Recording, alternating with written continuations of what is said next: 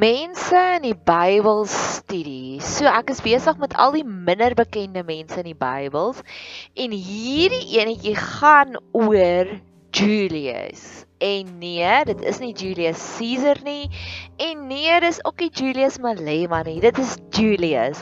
Julius die weermagman. So sy storie gaan jy vind in Handelinge en dis wat dit vir my so lekker maak om hierdie minder bekende mense op te swat want soos jy van hulle leer, leer jy kan jy amper 'n beter prentjie inkleer van die meer bekende mense. So sy storie is in Handelinge 27 en Handelinge 28. En die persoon wat ons beter gaan leer ken, wat ons al reeds goed ken, is Paulus. Paulus wat die skrywer was van die grootste gedeelte van die Nuwe Testament soos ons dit ken. Paulus wat op pad na Damaskus toe was en toe sien hy vir Jesus en toe hy blind vir 3 dae en toe verander hy sy hele modus operandi.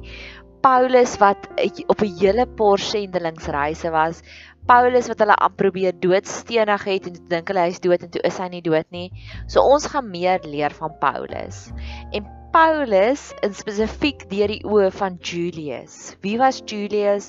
Wat het hy saam met Paulus ervaar en hoe is sy lewe verander nadat hy vir Paulus ontmoet het? En mag ek en jy mag ons sommer daardie seëning uitspreek. Mag ons 'n radikale verandering maak, positiewe verandering in mense se lewens. Dis werklik waar een van my grootste wense vir myself, een van my grootste gebede ek het gister vir die eerste keer weer begin werk in 6 weke. Ja, en ek's baie bly daaroor.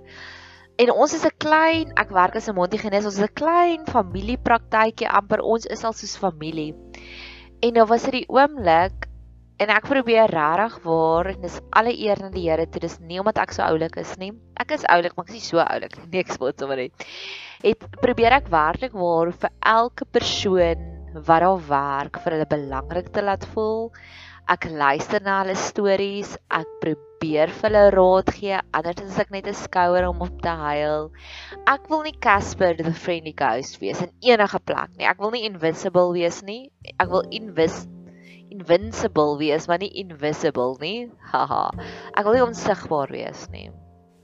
Ek wil so graag hê dit almal moet my ontmoet wat hulle voel you've got a friend in me en almal wat voel daar's hoop. En toe ek dan nou gister toe ek daar deur gestap het, kyk ek was so opgewonde. Ek was 5:00 die oggend al wakker en reg om werk toe te gaan, nê. Nee, ek was so opgewonde. Ek dink ek was laas so opgewonde soos voor my heel eerste dag van skool of voor my heel eerste dag van universiteit. Groot dae in my lewe. Ek was regtig voor baie baie opgewonde. En ek gaan groet vir almal en hier kom ons assistent en ek is relatief kort, maar sy's nog korter as ek. En sy en ek besig om te praat met met ons hooftandarts wie se praktyk dit is en ek praat met hom en ek vra hom is jy okay? Was jy okay? En hier kom hierdie assistent daar aan, maar sy gee vir my een van daai bear hugs. Sy sê kom vat my so vas. Social distancing is by die agterdeur uit toe sy daar aankom en sy hou my so vas en sê, oh, "Welkom terug, Nadia. Ek het jou so gemis." En my natuurlike reaksie was omdat sy korter is as ek om net haar haartjies liefdevol te vryf en te sê dankie Sandri. Ek ek is bly ek's terug. Dit was dit was net vir my so 'n wow oomblik en in my romantiese hartjie dink ek amper dis so Julius gevoel het oor Paulus. Julius was 'n Romeinse soldaat, maar hy was nie net enige gewone Romeinse soldaat nie. Hy was 'n hoofman oor 100. So hy was 'n VIP Romeinse soldaat. Hy was 'n baas, hy was 'n bestuurder oor 100 soldate onder hom. En ek glo ook in my romantiese hartjie, die Romeinse ryk was baie sterk en baie um kragtig. Dit was 'n kragtige nasie. So ek het al die stories vertel in een van my vorige potgoeie wat ek gesê het, elke Joodse seentjie wat gebore was, het gedroom en gehoop om eendag 'n fariseer te wees want dit was the best of the best. Die mees eliteste mense word ingeskryf om om 'n fariseer te wees. Dit is min of meer vandag soos om in Amerika te bly en deel te wees van die CIA, CIA, verstaan om 'n James Bond of as jy in Engeland bly om deel te wees van MI6 of ek weet ook een van die ander dream jobs daar buitekant is om 'n astronaut te word want 'n astronaut is mense wat wiskundig baie slim is, naby en geniaal slim moet wees. Hulle moet fiks wees, so hulle moet goeie atlete wees en meeste van hulle is nog fighter pilots ook wat ook die moeilikste tipe van vlieënier is. So dis die best of the best as die mees elite, dis die dream team wat ek glo in die Romeinse ryk wat 'n soldaat geword het. As jy sterk was, as jy slim was, as jy atleties was, dan eers dink ek kon jy 'n soldaat geword het. Ek dink almal anders wat wat dit wat die wat dat miss the cut het iets anders geword, maar ek glo op daai stadium was dit the best of the best. Dit Romeinse soldaat geword, amper soos 'n vlieënier. Ek sien nog as 'n vlieënier is ook so dit is so 'n dream job. Dit is so 'n wow job om te hê.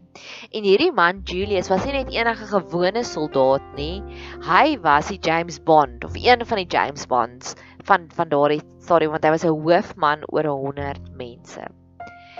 En een van hulle werke wat hulle gehad het, is hulle was verantwoordelik vir mense wat in die tronk was, mense wat onder gevangenes was om hulle te vervoer van een plek na 'n ander plek toe. So dink soos in in Suid-Afrika vandag in Bloemfontein is die Appelhof. So dis so goed soos Paulus was gearresteer in Pretoria tussen aanhalingstekens, nê, nee, sê ek dit nou. En toe het hy gesê maar hy wil voor die keiser staan, so hy wou voor die Appelhof staan. So hulle was op 'n reis van Pretoria af na Bloemfontein toe waar al die appel howe was. Dit want om voor die keiser te staan was 'n appelhof. Dit was nog jy wou jy wou appeleer teen jou uitspraak. So Paulus was gearresteer op daardie stadium en hy was nie gearresteer omdat hy een van die lockdown reëls oortree het nie. Nee. Hy was gearresteer omdat hy die evangelie verkondig het en dit so 'n kragtige uitwerking gehad dat hy was 'n bedreiging vir die fariseërs en hy was 'n bedreiging vir die Romeinse burgers ook.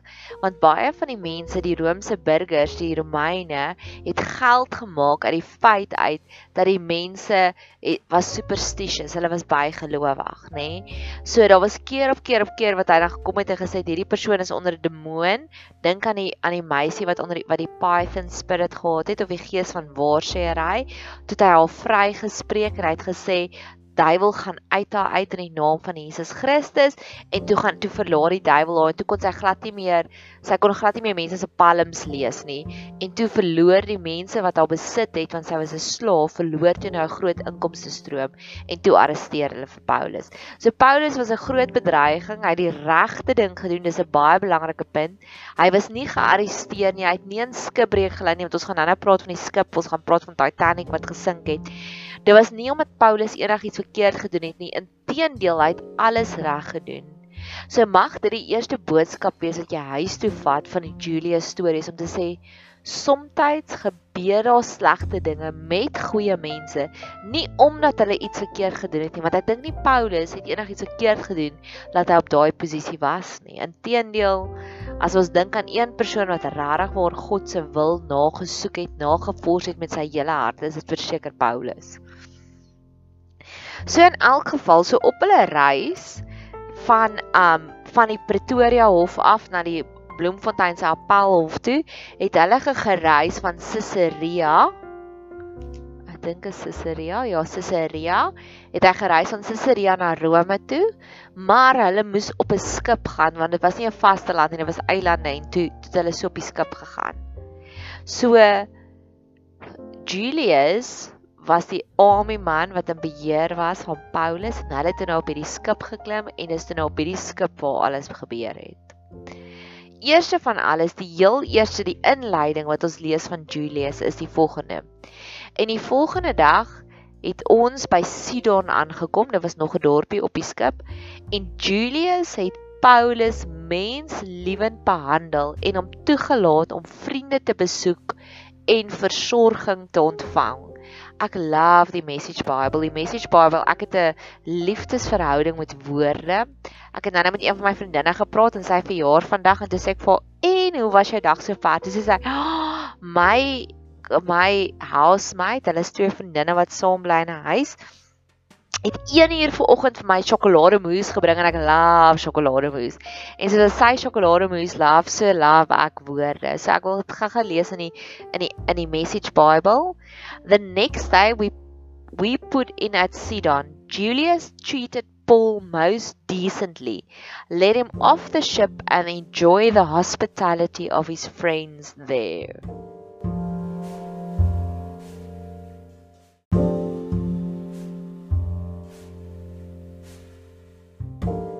So dis die eerste seëning wat ek oor my en oor jou wil uitspreek. Is mag ons so die salwing hê op ons lewe dat selfs mense wat volgens die natuurlike wet, volgens vleeslike wette vyande van ons mag moet wees, mag selfs hulle vir ons bonatuurlike goedheid bewys, bonatuurlike um generosity, vrygewigheid tydens hierdie lockdown het ek een vriendin wat 'n barber is. Sy sny man se hare en sy het vir my die storie vertel hoe sy na polisie manne toe gegaan en gesê julle hare lyk sleg.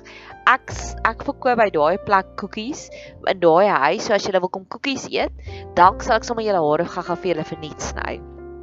En ek sê vir hom, oh, "Wow, weet jy wat ek bid hiervoor? Ek bid daar hiervoor dat ons as gelowiges selfs deur ons vyande geseën word." En dis waar vir Julius gestaan het. Dis Julius het vir Paulus baie goed behandel.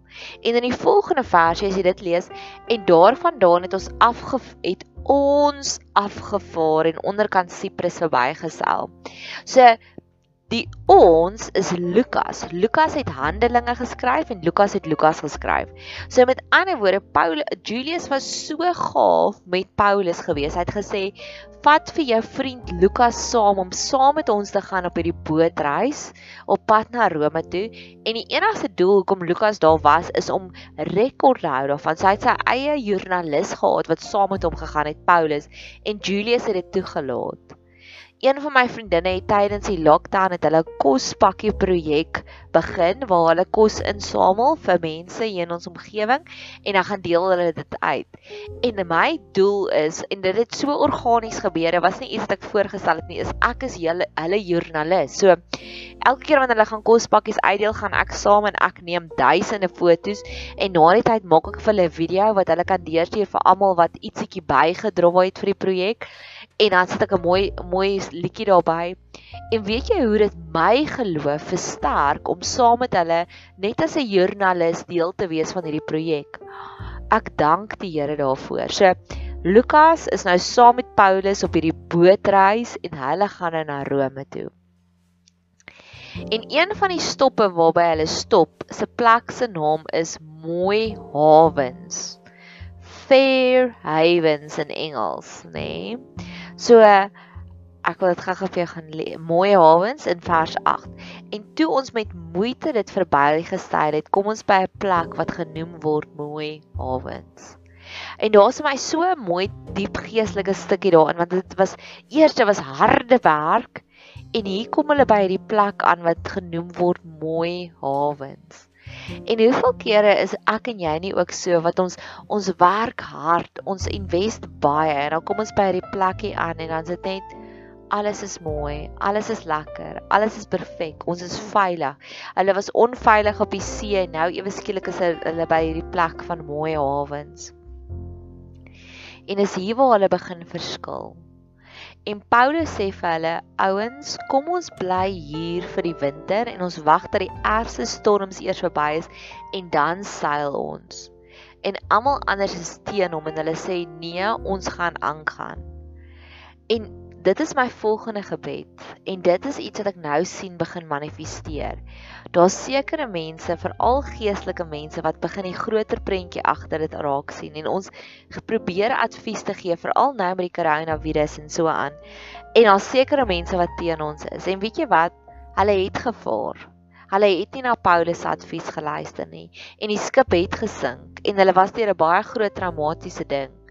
So ek wil dit ook vir jou sê, moenie dink en weer eens Paulus was 100% in God se wil gewees, nê? Nee? Nogtans het hy gesukkel om met mense te praat sodat mense na hom luister.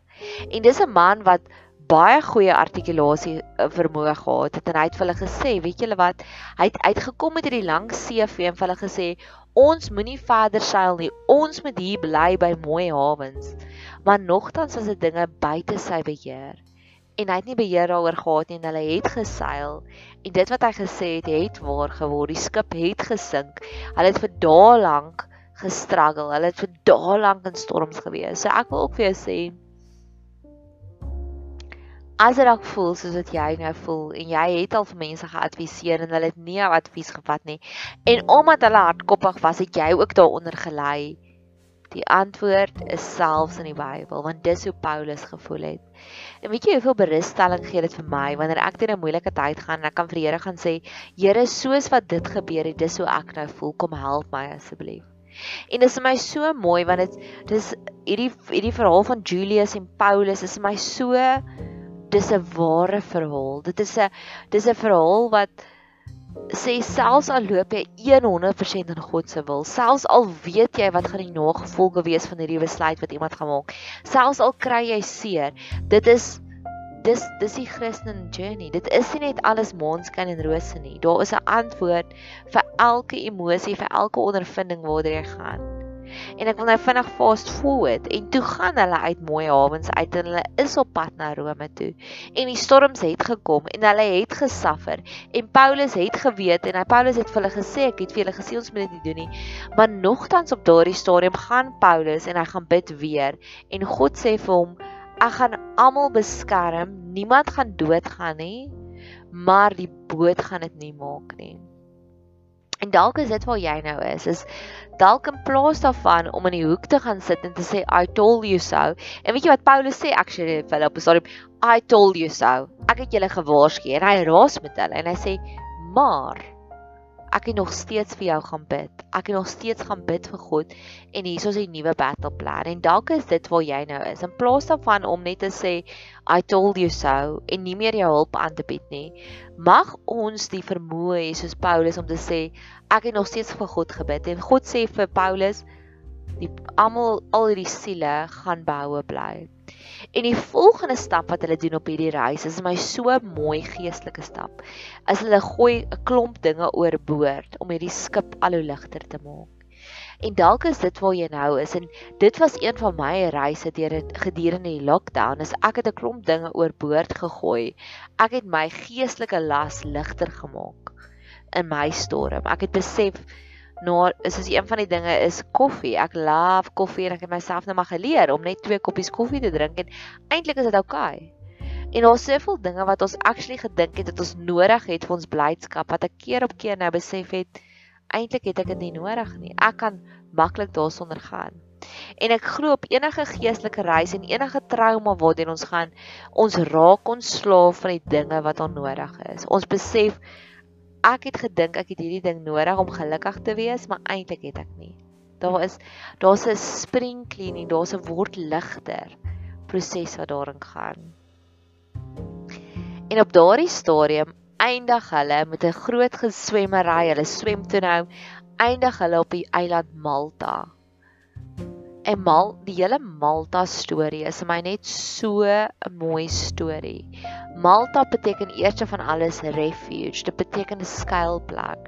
En dalk is dit wat jy nodig het en baie kere is daar daar's soveel verskillende leiers in al die Bybelstories. En dalk het jy nou 'n Malta nodig. Dalk is jy nou moeg vir hierdie storm. En dis wat ek ook al keer op keer ondervind het gedurende die lockdown. Is ek sal op 'n stadium op 'n geestelike Malta wees wat ek besef hierdie is nou my skuilplek en ek gaan nou hier skuil. So dalk het jy 'n Malta nodig.